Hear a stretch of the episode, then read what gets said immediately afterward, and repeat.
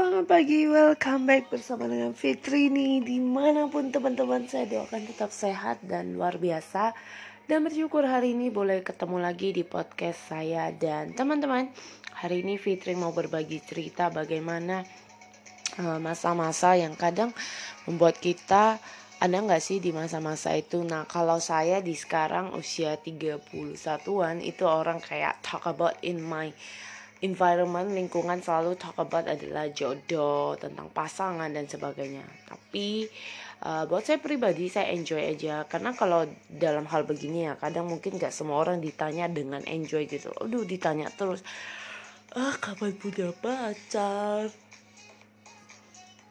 Ah kapan punya punya ini ya uh, kapan marry kapan punya anak dan sebagainya. Dan teman-teman uh, tidak dibawa beban. Kalau misalnya kita tahu berbebani pasti kita nggak nyaman dan akhirnya ke bawah pikiran terus dan terus gitu loh.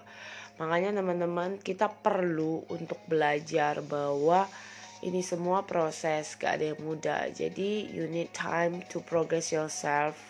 Uh, benar-benar perbaiki diri kamu menjadi lebih baik dan nggak uh, usah khawatir teman-teman. Bukan berarti kita diajarin gak usah punya pasangan dan sebagainya ya atau gak usah merit. Pasti semua orang saya percaya ingin menjalani kehidupan itu. Tapi intinya adalah gini. Don't think too much. Kadang kita ber, berpikir terlalu berlebihan yang membuat kita nggak nyaman. Jadi lebih bagus adalah jalani aja.